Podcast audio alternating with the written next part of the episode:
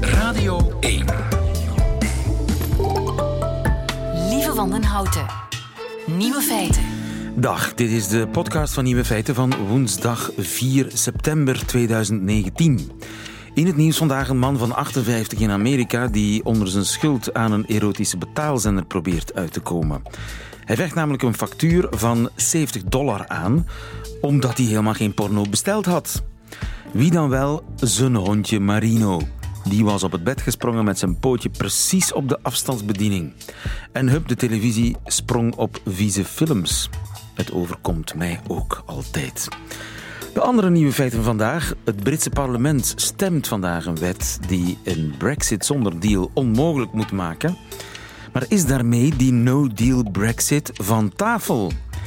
Nergens in West-Europa werd homoseksualiteit zo vaak bestraft als in het laat-middeleeuwse Brugge. Ander en beter zeggen ze na een relatiebreuk, maar dat klopt eigenlijk niet. Het moet zijn ander maar hetzelfde. Al uw relaties volgen namelijk hetzelfde patroon. En last but not least, Mia Doornaert heeft nog nooit pannenkoeken gebakken. De nieuwe feiten van Nico Dijkshoorn hoort u in zijn middagjournaal. Veel plezier. Nieuwe feiten.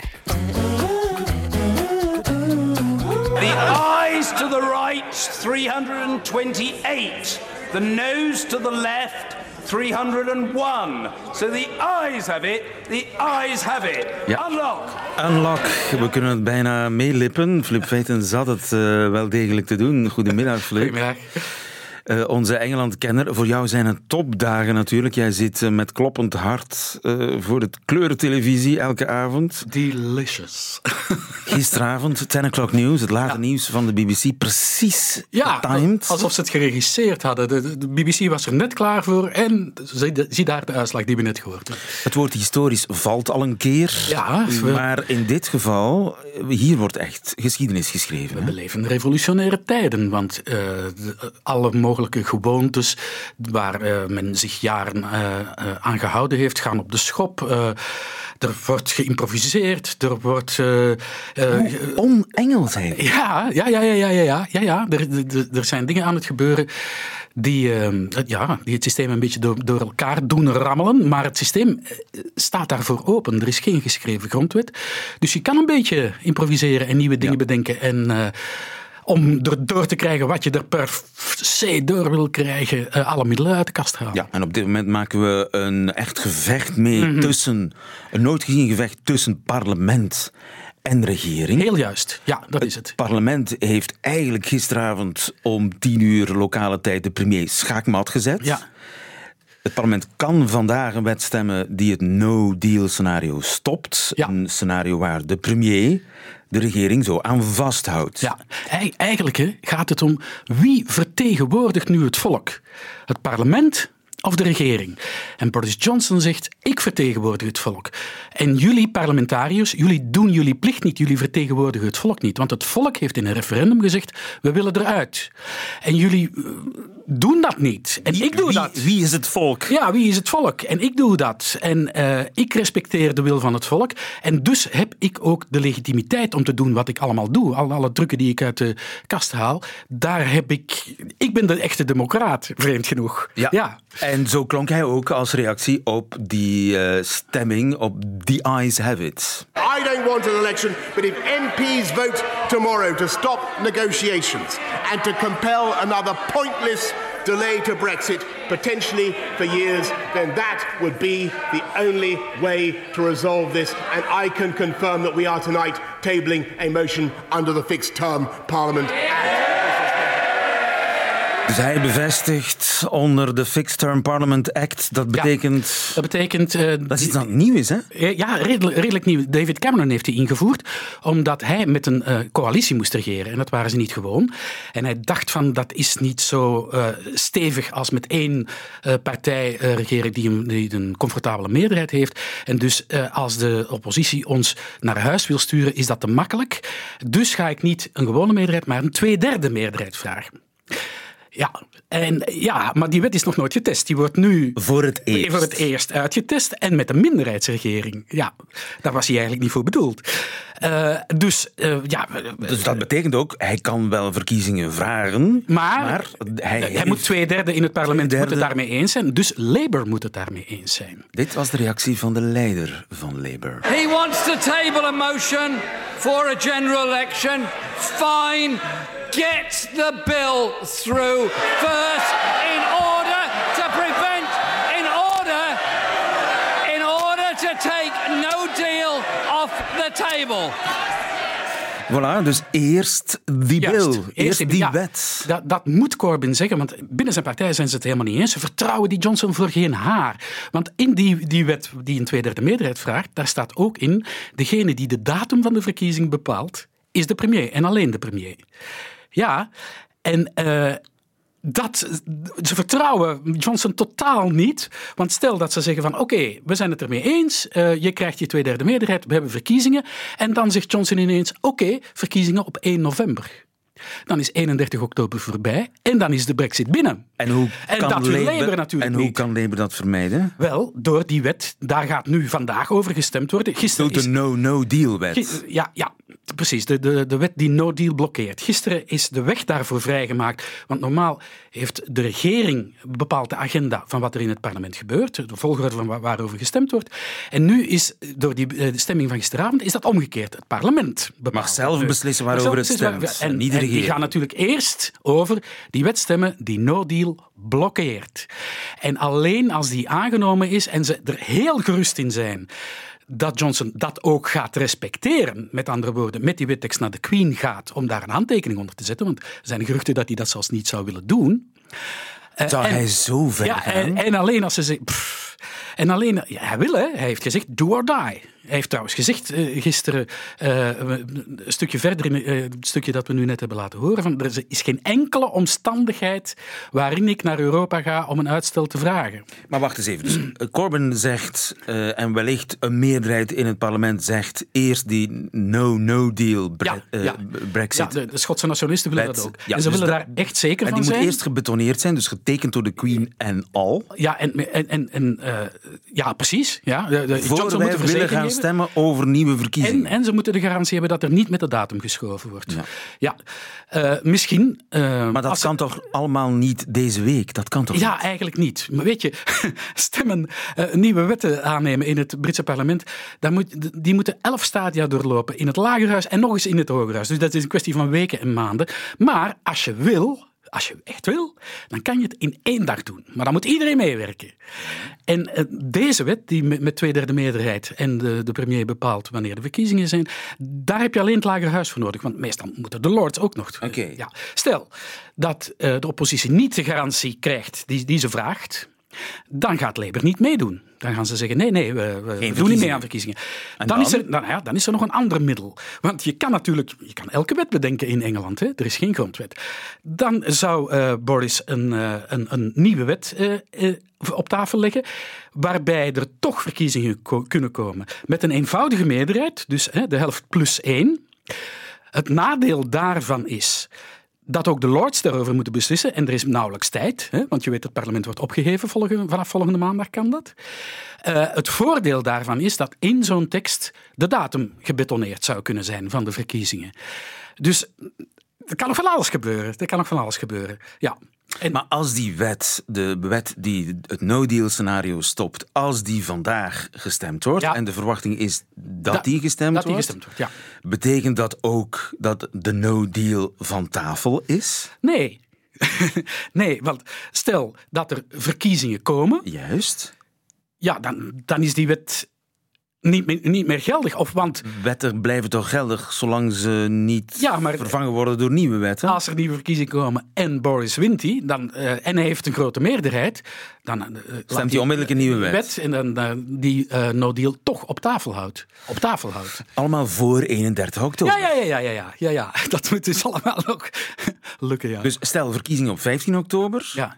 En dan enkele dagen later al begint dat... 17 oktober is de top en 31 oktober eh, is, is de, de, de ultieme datum. Ja. En dus er kan een nieuw parlement, een nieuwe wet stemmen die het no-deal scenario wel degelijk laat doorgaan. Op tafel houdt. Hè? Want Ja. volgens hen is dat het drukkingsmiddel waarmee ze Europa tot Ja, maar toeleving dat gaan is toch een fabeltje? ja, natuurlijk is dat een Europa fabeltje. zegt Nee. welke onderhandelingen, Ja, welk voorstel. Ja, Europa zegt wij staan open voor nieuwe voorstellen, maar, die ze moeten wel niet. goed zijn.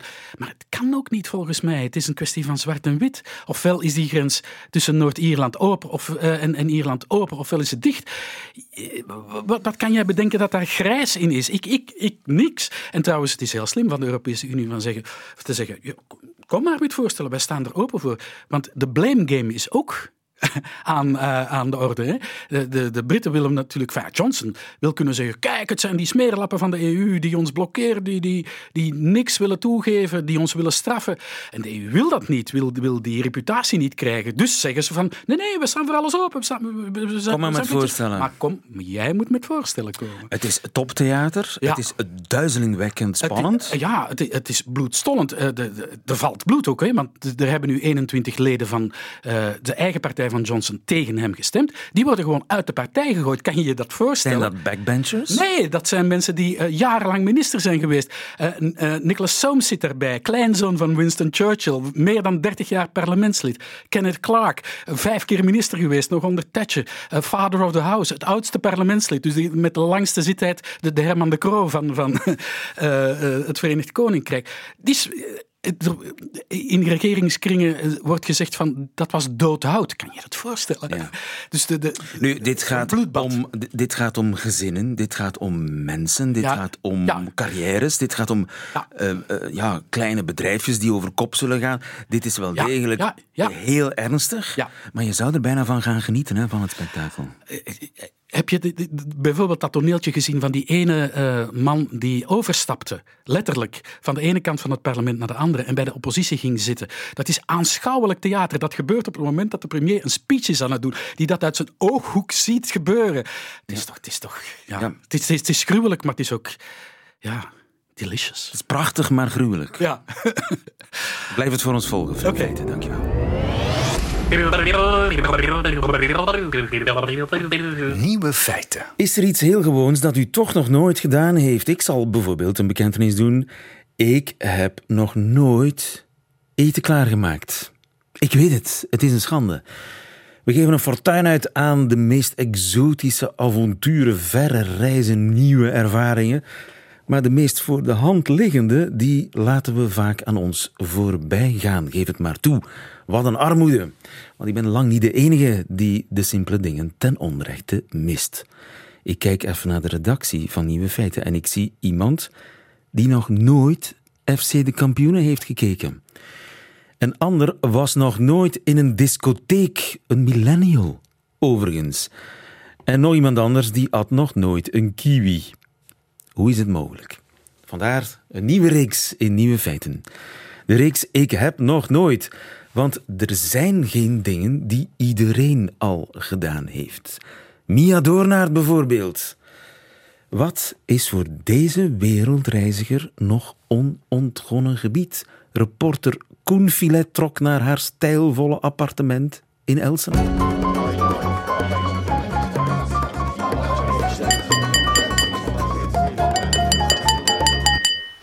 Ik ben Mia Doornaert en ik heb nog nooit pannenkoeken gebakken.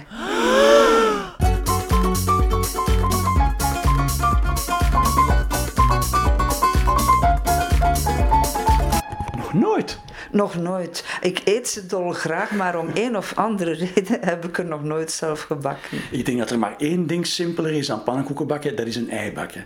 Dat kan ik wel en ik denk dat ik zou kunnen pannenkoeken bakken, maar feit is er nog nooit van gekomen. Maar voor een ei hoef je niet eerst een heel beslag klaar te maken. Dat is juist. Ja, het moeten de echte pannenkoeken zijn met, met gist ook. Hè. Dus met een beslag dat rijst. Dus geen, En- geen flensjes. Nee, want die zijn dun. Het moet er zo echt een zijn die zo'n beetje dikker Ah, is. bon. Die, eh, waar je dan boter op doet en bruine suiker. En die smelt dan in de warme pannenkoek. Je rolt die op en dan bijt je daarin. Oké, geen flauwekul. Geen geen flauwekul, de echte klassieke, traditionele pannenkoek. En dat zal echt mijn Madeleine de Proust zijn. Zullen we daar ehm, het kookboek van de Boerinnenbond bij Ja. nemen? Om, Ja. Klassieker kan ja, bijna niet. Nee, nee. Wel, ik denk niet dat destijds één Vlaams meisje het huis is uitgegaan zonder dat mee te krijgen van haar moeder. Dat is waar, Mia, maar ik denk ook dat er geen Vlaams meisje was dat een kookboek nodig had om pannenkoeken te bakken. Wel, ondertussen ben ik al lang geen meisje meer, maar ik heb nog altijd een kookboek nodig Ja. om een pannenkoek te maken. Het is geen schande. Zullen Nee. is bladzijde 305. Ja. Zeef de bloem en maak in het midden een kuiltje. Breek de gist in een weinig lauwe melk, voeg er de suiker bij en giet het in het kuiltje. Aan de slag. Een zeef, heb je dat? Een zeef. Zeef, zeef, zeef. Dat is een zeef, hè? Dat, dat is een zeef. Dat is ja. een zeef, voilà. En nog Is een, eh, een, een recipiënt om de een bloem in- recipiënt om dat erin te doen. Ja, een kom heb ik ook. Een voilà. mengkom. Oké. So far so good. Terug naar ons recept. Hè. Ja. Breek de gist in een weinig lauwe melk. En dan, wat is een weinig lauwe melk? Goeie vraag. Ja, zie, dat zijn zo van die dingen. Ervaren mensen kunnen daarmee weg. Maar ik denk dan, is, is dat ah, 10 centiliter, is dat 20 centiliter? Oh, ik zal hier een bodempje in dat pannetje doen. Wacht, we moeten in, dat, in die lauwe melk moeten we de gist breken. Ja, Oplossen zal dat zijn, ja dat, dat denk ik ook. Voilà. Dus ik verkruimel die. Voilà, dat is opgelost. En, nu in dat in dat. Goed mikken. Ik maak het kuiltje nog wat groter. Dank u. En ik giet heel voorzichtig, voilà. Oh, en het kuiltje is net groot genoeg. Goed gedaan, Koen. Wat Wauw. een genot, pannenkoeken bakken. Ja. Dus dat gieten we nu eh, op alles. Met Ja. dat, dat kuiltje waar die gist in zit, die, die gist blijft daar gewoon... We gieten de rest erboven nu, de eieren daarop. Ja, goed. Ja. En als jij dan mengt, zal ik er ondertussen de rest van de melk... Doe ik dat met een garde? Dat zou ik doen, ja. Ah ja. Wauw, amai. Dat is... ehm, Dat is hard werken. Dat is, ja. En ik wil niet te hard tekeer gaan, dat het er niet uitvliegt. Jakkers, dat is echt wel Ja. weerbarst, weerbarstig spul. Maar ja, dat is waarschijnlijk zo om deeg te maken. Hè. Ik zie dat soms op tv, dan dat je dan een bol van Ja, maakt. ja, en dan, ja, ik kan er toch aan melk ja, ja, want anders... ik zou nu een fotootje moeten kunnen maken, want je hebt een mooi streepje bloem op je neus. Dus ja, heel flatterend. Het begint stilaan wel Ja, ja. Ja, ja, ja, ja absoluut. Inderdaad. Laat op een warme plaats rijzen tot het deeg verdubbeld is. Verdubbeld. Geen idee of dat 10 minuten, een half uur of een halve dag is. Zullen we de afwas beginnen? Dat kunnen we al doen. Ehm, maar in het recept van... Ik heb ergens nog een handgeschreven recept van mijn moeder. Ik denk dat daar in een uur stond. Moeten we nu eens kijken hoe hoog dat deeg is, dat we straks weten. Ehm, wacht, ik neem een maatstokje. Heb hier, dus tot hier net onder dat groen motief. Ja, we hebben nu een kleine 3 centimeter deeg, Ja, dus dat dus zou dat 6 moet- centimeter Ja, worden straks. dat moet daar zo... Nu, Oké. We beginnen te wachten. Hier zijn we dan. En nu spannend, hoe zit het met de deeg? Dus we hebben een half uur gewacht. Ja. Haal de handdoek er maar af. Dat is nog Het is niet gerezen. juist hetzelfde. Wat is er gebeurd, Koen? Niets meer. Niets. Wat hebben wij fout gedaan? Geen idee. We hebben toch alles volgens het boekje gedaan, hè? Het is echt een ontgoocheling. Het kuiltje gemaakt, de gist erin, in de Het zout apart gehouden. Het zout apart gehouden. Hé hey, zeg.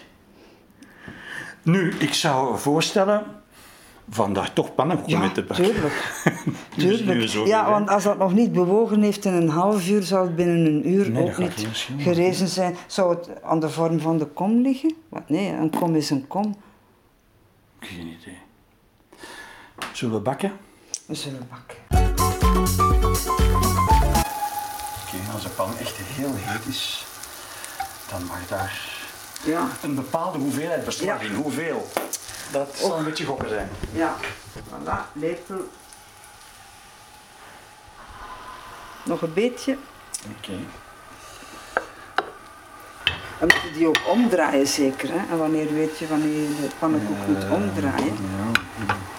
Ehm, ervaring. Dat is een ervaring, oké. Wel, dan ben ik die nu aan het opdoen tegen een volgende keer. Oh, maar zie, dat is wel, dat is wel een dikke pannenkoek. Ja. Ja, misschien. Oeh, Dat was te vroeg. dat was te vroeg, sorry. Maar is toch al mooi goudbruin aan één Ja, kant, hè? maar het was, ook, het was ook veel te veel deeg. Ja, veel te veel deeg. Dus dat weet ik. Eén, Ja. één ehm, pollepeltje is Ja. meer dan genoeg. En Mia, we troosten ons met de volkswijsheid. De eerste pannenkoek mislukt. Voilà. Dus die, mag, niet- die, moet, die moet mislukken. Voilà, anders zou het niet deugen. De eerste pannenkoek is klaar. Wel, kijk, we gaan die op tafel zetten. We doen daar wat boter en suiker op. Die smelt dan daarop. Ja. En dan rollen we En die als het op. nu lukt, is het voor jou een, Ja. het wederkeren naar de kindertijd, geloof ik. Hè? Ja, ja, dat is echt mijn Madeleine de Proust. En nu, proeven is... Verbrand je tong niet, hè, want denk dat die heet gaat zijn.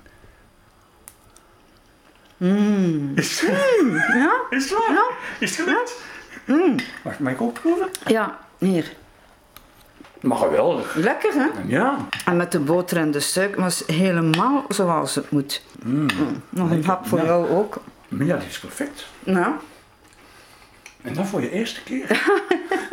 Mia, heerlijk. Dit is een heerlijk. nieuw begin voor jou. Ja, dit is echt een nieuw begin. Dat is een historische dag in mijn leven. Niet alleen dat ik voor het eerst pannenkoeken bak, nog eens met een heleboel maar het zou ook lekker zijn. Maar echt zoals ik die lust heb. Iets minder dik, maar voor de rest perfect. Oké. En nu de afwas. Oeh, ja.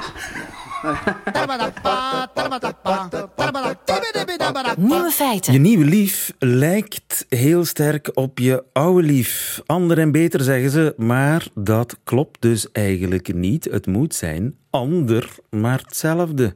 Rika Ponet, goedemiddag. Goedemiddag. Rika, je bent eh, relatiedeskundige, auteur ook van prachtboeken over relaties. Eh, dat moet namelijk blijken wat ik zeg, ander maar hetzelfde, uit een nieuwe studie uitgevoerd eh, bij meer dan 500 mensen, die acht jaar lang zijn gevolgd. Ja. En eh, mensen die in die tijd van lief zijn veranderd. Hè? Ja, inderdaad. Dus men heeft die studie op vier momenten uitgevoerd. Een jaar voor de relatiebreuk, eh, tijdens eh, het jaar van de relatiebreuk, en het eerste jaar erna en het tweede jaar erna. En blijkt, van de regen in de drup zijn die mensen beland. Zo zou ik het niet omschrijven, lieve. Maar ehm, wat Bijna. blijkt, ja, dat ehm, we in nieuwe relaties eigenlijk dezelfde relatiedynamiek ontwikkelen als, ehm, als degene die we kenden in onze oudere relaties. Hetzelfde toneelstuk met andere acteurs. Ja, dat is het een beetje. De patronen blijven dezelfde. En De hoe gaat dat dan bijvoorbeeld? Ehm, ja, we hebben allemaal toch een eh, geprefereerde eh, positie in een relatie. Hè. Zo kan je het zeker omschrijven. En dat hangt samen met onze emotionele geschiedenis, hè, opvoeding, achtergrond, maar ook vorige relatieervaringen. Je hebt een, een, eh, een lievelingsrol die je speelt. Ja, een soort van mal. Hè. En eh, van zodra je, ehm, ja, we vallen op iemand die eh, eigenlijk ja, samen met ons die geprefereerde dynamiek tot stand brengt. Bijvoorbeeld, hè, je, bent, je bent de oudere wijze man en je valt voor het prachtige maar kwetsbare vogeltje. Ja, waar jij dat, kan voor eh, zorgen. Voilà, hulp Ja. nodig heeft. Maar ja, eenmaal geholpen, fladdert dat vogeltje weg. Ja dan, ja, dan is die relatiedynamiek, of dit typisch soort van relatiedynamiek, heeft dan inderdaad zijn beperking in tijd. Maar wat zie je? Dat zo iemand die eh, heel graag die sterkere partij is in de relatie, of ook eerder die ehm, eh, ja, verzorgende of, of eh, zorgbehoevende partij is, dat, ehm, dat in een volgende relatie men eigenlijk opnieuw weer probeert eh, die rol waar te maken. of Ja, daarop en dat zijn vaste patronen die telkens weer blijken. Is dat een probleem? Nee, dat hoeft helemaal geen probleem te zijn. Eigenlijk wat het aantoont is dat we als mens toch wel vooral dezelfde blijven.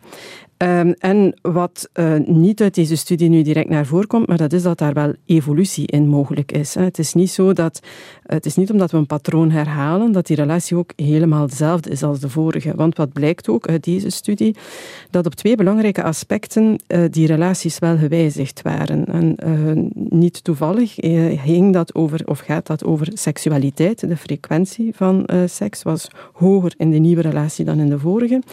En wat ik nog een belangrijkere vond, het feit dat mensen veel meer waardering toonden, uiten uh, naar hun partner toe. Dus de patronen blijven dezelfde, het toneelstuk blijft hetzelfde, maar het is spannender. Het is, het is spannender, ja. Er is een grotere relatietevredenheid. En die hangt dus duidelijk heel sterk samen met hoe we intimiteit in onze relatie ervaren. Hè? Want we kunnen dat nu heel plat bekijken. Oké, we doen het wat vaker dan in die vorige relatie. Maar eigenlijk, ja, wat is dat? Seksualiteit binnen een vaste relatie. Dat is een vorm van ja, um, intimiteit, van communicatie. En ook vooral die waardering. Hè? Wat, uh, wat brengt dat met zich mee? Um, een veel groter gevoel van verbondenheid. En ik stel dat telkens weer vast. Wat maakt dat relaties stranden? Dat is niet zozeer de verschillen. Dat gaat ook niet over de relatiedynamiek. Maar dat gaat eigenlijk altijd opnieuw weer omdat mensen voelen dat ja, er geen verbondenheid meer is. Men niet meer bij elkaar geraakt en men geen invulling ook meer vindt voor die heel belangrijke basisbehoeften in een relatie. Ja, maar kun je dan zeggen dat de, de, de, eerdere relatie meer een soort repetitie, ja, we zitten helemaal in de theatermetaforiek, helemaal een, een soort van repetitie was voor dan het volgende toneelstuk? Oh, uh, een repetitie zou ik het ook niet noemen. Maar ik denk... uit leert, toch? Ja, om, absoluut. Om, om meer te de ene relatie brengt ons naar de andere. Zo bekijk ik dat. En uh, eigenlijk zijn we constant als mens, als relationeel wezen, in evolutie.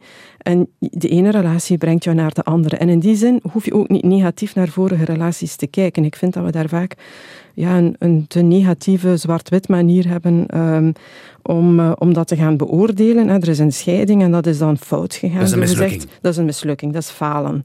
En dat is eigenlijk helemaal niet zo. Hè. Ja, relaties lopen nu eenmaal af, maar die ervaringen brengen u ook naar een volgende relatie en zullen ook weer mee gaan bepalen hoe die volgende relatie eruit ziet, waar je net wat meer aandacht gaat aan besteden. Als je weinig waardering gaf of ja. kreeg in een vorige relatie, doe je dat dan in een volgende bijvoorbeeld veel uitgesproken. Maar de meeste mensen spelen wel dezelfde rol. De ja, bewonderaar, de bewonderde, de verzorger, de verzorgde. Ja, dat zijn dingen uh, waar we ons net door gewaardeerd voelen, hè, omdat ons dat ja. zo aangeleerd geweest en is. Heeft het zin om te proberen van rol te veranderen? Nee, ik zeg altijd, um, het, het, dat is ook de boodschap van deze studie, vind ik. Um, dat is, uh, probeer niet de relatiedynamiek te veranderen. Probeer ook jezelf niet te veranderen. Dat werkt trouwens niet.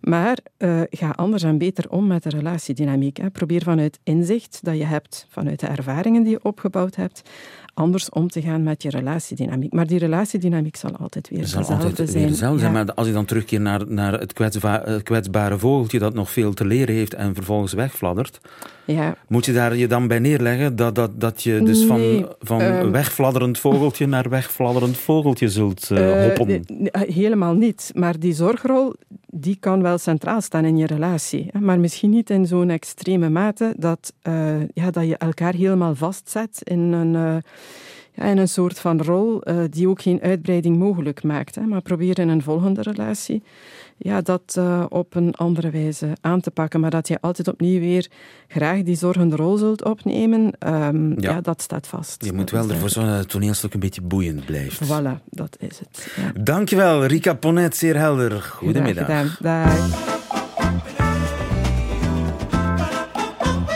Radio 1. Nieuwe feiten.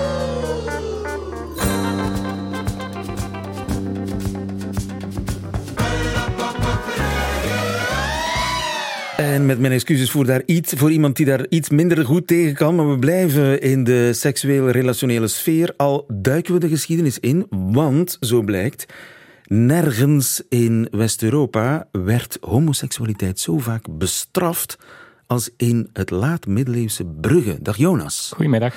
Jonas Roelens, jij hebt die kwestie onderzocht voor je doctoraat. Hm, klopt. De perceptie en vervolging van sodomie in, want zo heette dat, hè? sodomie ja. in de vroegmoderne zuidelijke Nederlanden.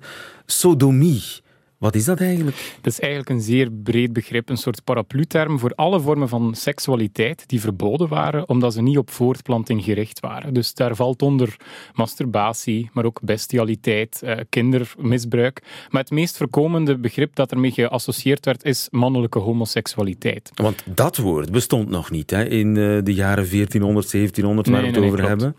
Het is eigenlijk voor mensen uit die periode zou het heel gek of vreemd zijn om te zien hoe wij vandaag naar dat soort uh, fenomenen kijken, omdat het hele concept van een geaardheid niet bestond. Het dus was geen persoonlijkheidskenmerk, het was iets wat je deed als je stout was. Het was iets wat je deed en het was een keuze die je persoonlijk genomen had om het te doen. En het was, uh, laat er geen twijfel over bestaan, een zeer zondige keuze. Hè. Dus je moest daarvoor gestraft worden als je die keuze genomen had om homoseks te plegen. En wat, uh, wat was die straf? Ja, die was eigenlijk zeer streng. hier in onze contrij was daar eigenlijk standaard, plaatste men daar de doodstraf op en men deed dat via de brandstapel. En dat heeft een zeer symbolische betekenis. Dat verwijst naar de Bijbel. Hè, eh, de sodomieten die eh, door God uh, verbrand werden. Wel, men ging dat hier op kleinere schaal nog eens naspelen. Ja, dus... En dat is dus in onze mooie historische steden gebeurd. Mm -hmm, absoluut. Antwerpen, Gent, daar zijn homo's publiekelijk op de brandstapel gezet. En publiekelijk mag je zelfs letterlijk nemen, lief, en dat zijn echt grootschalige rituelen, hè, waarbij je op een publieke marktplaats met veel toeters en bellen, met veel publiek vertoon,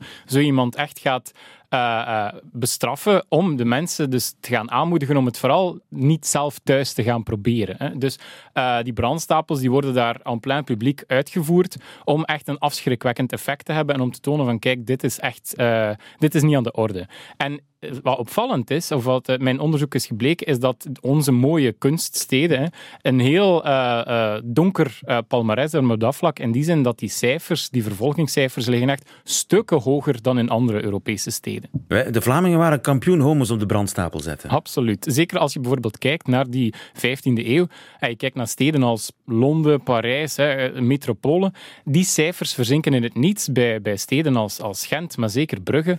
Die vervolgingen zijn echt stukken hoger. En dus binnen Vlaanderen is Brugge de kampioen. Vlaanderen is sowieso Europees kampioen, maar ja. eigenlijk is Brugge Binnen die aparte league is Brugge dan nog eens de kampioen uh, der kampioenen. Uh, Heb je enig idee hoe dat komt? Ga, dat Ze daar fervente voorstander van sodomie om het te doen? Ik, ik denk niet dat, dat, er, dat de Bruggelingen nu per se zoveel meer geneigd waren om dat te doen. Hè. Wat er wel is, is Brugge was toen een handelsstad. Ik kende heel veel buitenlandse handelaars die daar soms maanden ver weg van huis eenzaam en alleen zaten. Dus in die optiek kan het misschien wel uh, uitnodigend geweest zijn voor heel veel mensen.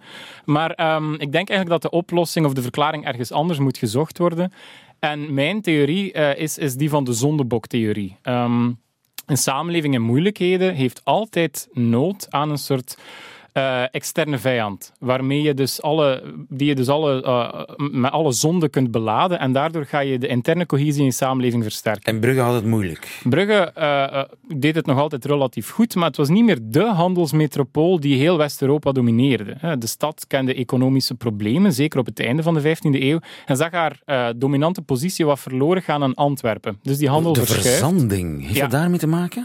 Onder andere, dus, dus je zou kunnen zeggen dat ecologische, klimatologische omstandigheden een impact hebben op, op uh, homovervolging. Ehm, en dus ja, dat is een manier om te tonen van die stad, kijk, ja, we zijn het hier aan het verliezen, maar we proberen wel nog de controle te behouden. En eh, het, is, het is de schuld niet van ons, van het stadsbestuur, van de handelaars, het is de schuld van die minderheid, van die zondebok. Ja. Wat ik me afvraag, hoe ja, betrap je sodomie? Wa- Was daar, werd daar op actief op naar gezocht door een soort van sekspolitie? Ja, eh, nee. Het grappige is dat je dat in het buitenland wel hebt. In Italië heb je echt een zogenaamde sekspolitie in steden zoals Firenze en zo, op speciale commissies die s'nachts op pad gaan. Dat zie je in Brugge dan weer net niet. Het, eh, frappante is dat men daar heel hard afhangt van de lokale bevolking. Uh, heel veel van die processen worden in gang gezet door uh, buren, door economische concurrentie, soms zelfs door familieleden. Dus je merkt dat die lokale bevolking er echt een sleutelrol in speelt. Je wordt verklikt. Exact. Uh, er bestond nog geen kliklijn de facto, maar het ging wel zo vaak dat de bal aan het rollen ging door roddels in je straat, in je gemeente. En dat je reputatie er een grote rol bij speelde. Terwijl in Firenze en zo was het meer prostitutie, jongensprostitutie Ja, eh, in de straten. Dat was minder in Brugge dan. Ik heb daar minder eh, ehm, concrete voorbeelden van gevonden. Het, het, dat is ook wel fijn, of vond ik eh, interessant aan mijn onderzoek. Het lijkt toch veel meer op instemming gebaseerd te zijn. Want ehm, daarin verschilt Brugge of, of de zuidelijke Nederlanden, onze regio, ook wel wat met de rest van Europa.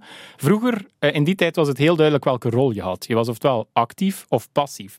En in de procesdossiers die ik gevonden heb, zie je toch heel vaak dat mensen wisselen van rol. En dat lijkt er toch op te wijzen dat er hier toch een soort andere seksuele verhouding was. Meer relaties. Uh, ja, relaties zou ik het misschien is dan iets anachronistisch uitgedrukt.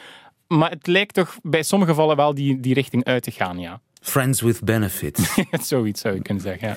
Terwijl moeder de vrouw thuis uh, op de kinderen past, zoiets. Uh, ja, heel veel van die mannen waren effectief getrouwd. Hè, en die voeren dat ook aan als verdediging. Van ja, maar ja, ik kan dat toch wel echt niet gedaan hebben. Want kijk eens, ik ben getrouwd en ik heb een deftige job en, en ja. Maar ja, in het uh, donker op de stadswallen gebeurde er wel het een en het ander natuurlijk. Gebeurde het daar? Vaak in publieke plaatsen, toch verbazend genoeg, als je weet hoe streng bestraft het wordt. Maar... Um, Mensen gaan blijkbaar vaak uh, op pad in het badhuis, weten ook zeer goed in welke badhuizen je kans hebt om uh, uh, iemand te scoren. Um, um, doen het in de velden, doen het in, in ziekenhuizen, ja. ja. overal plaatsen waar mensen samenkomen, denk ik. Er zijn afschuwelijke drama's gebeurd. Absoluut. En wij weten daar niets van. Hoe komt dat? Ja, het is natuurlijk niet echt iets om trots op te zijn. Hè. Um, maar wordt het niet bestudeerd? Je bent historicus. Uh... Het is heel vaak of lang onder de mat gevaagd. Hè. Zeker uh, in het academische wereldje is het heel lang taboe geweest om daar onderzoek naar te doen. En dat is dan heel frappant. Want wie zou daar nu naar onderzoek willen doen? Ja, ik dus. ja.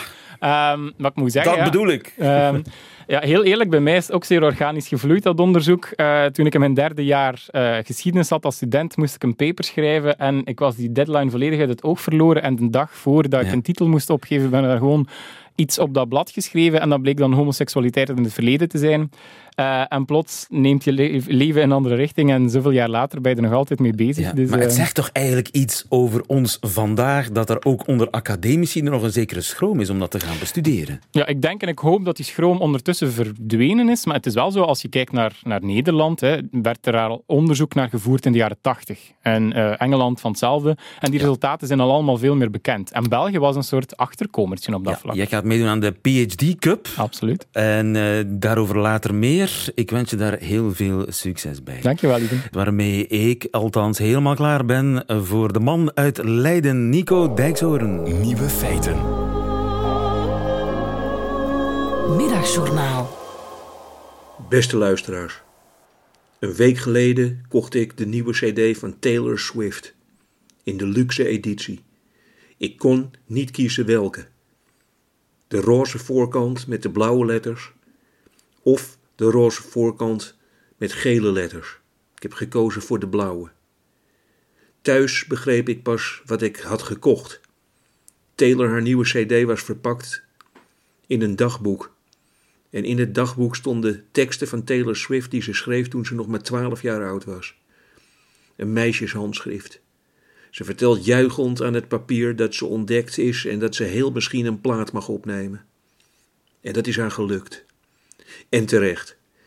Ze heeft een reeks prachtige platen gemaakt vol met ontroerende teksten, maar daar wil ik het nu niet met u over hebben. U moet maar gewoon naar haar liedje Cornelia Street gaan luisteren en dan weet u genoeg, een wonderschone tekst over de angst dat het ooit klaar is met de liefde. Ik wil het over dat dagboek hebben. Dagboeken, dat zijn de mooiste boeken. Als lezer van een dagboek voel je je altijd een voyeur. Je leest iets wat eigenlijk geheim had moeten blijven en dat lukt bijna nooit met dagboeken. Heel vaak lezen ouders in het geheim het dagboek van hun kind en dan zien ze precies wanneer ze had moeten beginnen met voorbehoedsmiddelen. Wat mij altijd enorm ontroert tijdens het lezen van dagboeken, is de onwetendheid van de schrijver. Het dagboek is vaak uitgegeven na hun dood en jij, als lezer, weet wat er gaat gebeuren. Je hebt voorkennis. Je leest dat de schrijfster verliefd wordt op een zekere Jan. En jij weet al dat hij dan een paar jaar later haar gaat verlaten voor een ander. De schrijfster leeft nog zorgeloos en schrijft in haar dagboek: Als ik 67 jaar oud ben, dan ga ik verre reizen maken. En jij als lezer weet dat ze niet ouder wordt dan 36, omdat ze verongelukt op een gevaarlijke kruising in een vreemd land. Dat ontroert mij zo aan het dagboek van Taylor Swift. Dat we samen met haar nog niet weten welke kant het op gaat. Dat alles nog kan worden gedroomd, of die droom nu uitkomt of niet.